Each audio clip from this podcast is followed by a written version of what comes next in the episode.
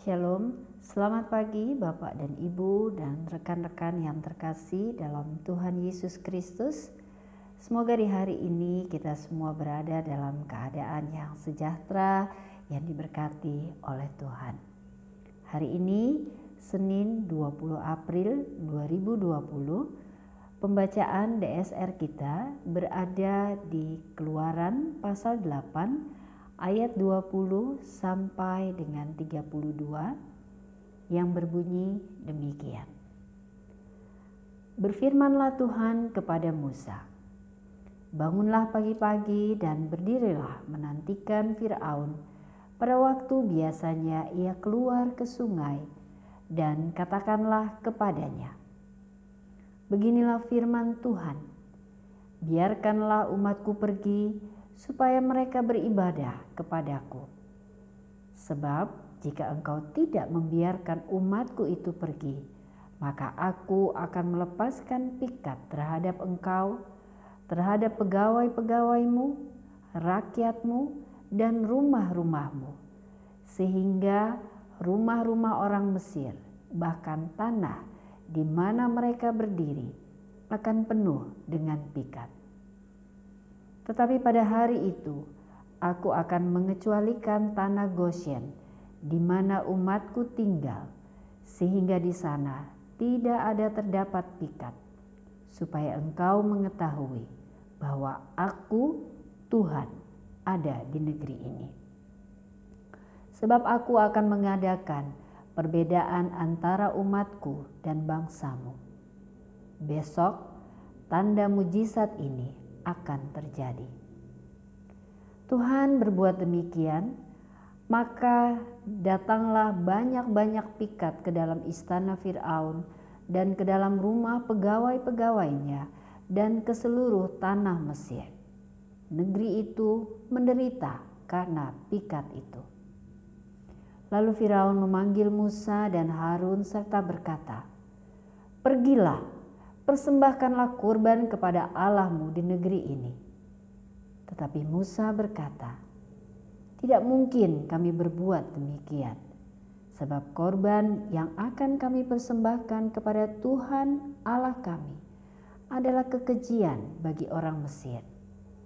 Apabila kami mempersembahkan korban yang menjadi kekejian bagi orang Mesir itu di depan mata mereka, Tidakkah mereka akan melempari kami dengan batu? Kami harus pergi kepada gurun tiga hari perjalanan jauhnya untuk mempersembahkan korban kepada Tuhan Allah kami seperti yang difirmankannya kepada kami. Lalu kata Fir'aun, Baik, aku akan membiarkan kamu pergi untuk mempersembahkan korban kepada Tuhan Allahmu di padang gurun. Hanya janganlah kamu pergi terlalu jauh. Berdoalah untuk aku. Lalu kata Musa, "Sekarang aku keluar meninggalkan tuanku dan akan berdoa kepada Tuhan." Maka pikat itu akan dijauhkan besok dari Firaun, dari pegawai-pegawainya dan rakyatnya hanya janganlah Firaun berlaku curang lagi dengan tidak membiarkan bangsa itu pergi untuk mempersembahkan korban kepada Tuhan. Sesudah itu, keluarlah Musa meninggalkan Firaun, lalu berdoa kepada Tuhan, dan Tuhan membuat seperti yang dikatakan Musa. Pikat itu dijauhkannya dari Firaun, dari pegawai-pegawainya, dan rakyatnya. Seekor pun tidak ada yang tinggal.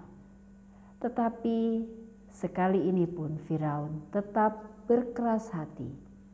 Ia tidak membiarkan bangsa itu pergi.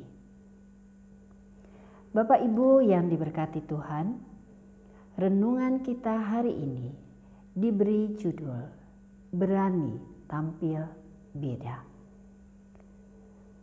Allah Israel adalah Allah yang Maha Pengasih dan Maha Pengampun.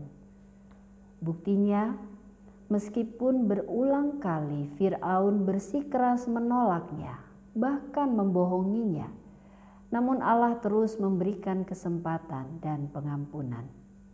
Bahkan untuk menjatuhkan tulah keempat, Allah bisa saja langsung menulahi Mesir dan Firaun.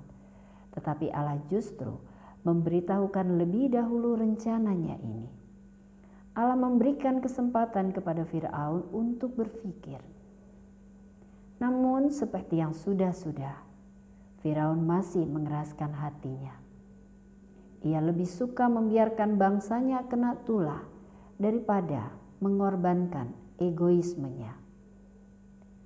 Namun tulah keempat ini berbeda dengan tulah-tulah sebelumnya, di mana untuk pertama kalinya tanah Goshen dikecualikan dari tulah ini.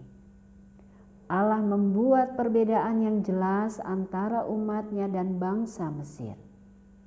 Ketika orang-orang di Mesir menderita akibat lalat pikat itu, umat Allah justru terbebas sama sekali dari tulah ini. Sahabat Alkitab, pada tulah keempat ini Allah ingin menunjukkan bahwa meskipun tulah telah dinyatakan di Mesir, namun umat Allah di Goshen tetap dilindungi. Hal ini perlu dinyatakan kepada Firaun bahwa Allah Israel ada di tanah Goshen untuk membela umatnya dengan melindungi mereka dari tulah yang akan dijatuhkan. Pada tiga tulah sebelumnya, umat Allah di tanah Goshen ikut mengalaminya. Melihat fakta tersebut, maka sudah seharusnya Firaun sadar akan kekuasaan Allah Israel. Namun apa dikata? Firaun justru mengingkari janjinya untuk mengizinkan bangsa Israel beribadah di luar Mesir. Bapak, Ibu, dan rekan yang terkasih, Dunia, tempat di mana kita bermukim, memang sudah rusak dan cemar oleh dosa. Tantangan bagi kita orang percaya menjadi lebih berat. Kita harus mampu menunjukkan keberadaan kita sebagai garam dan terang dunia. Artinya, kehidupan dan perilaku orang percaya harus berbeda dengan orang kebanyakan pada umumnya. Apalagi saat ini kita semua hidup dengan ketidakpastian.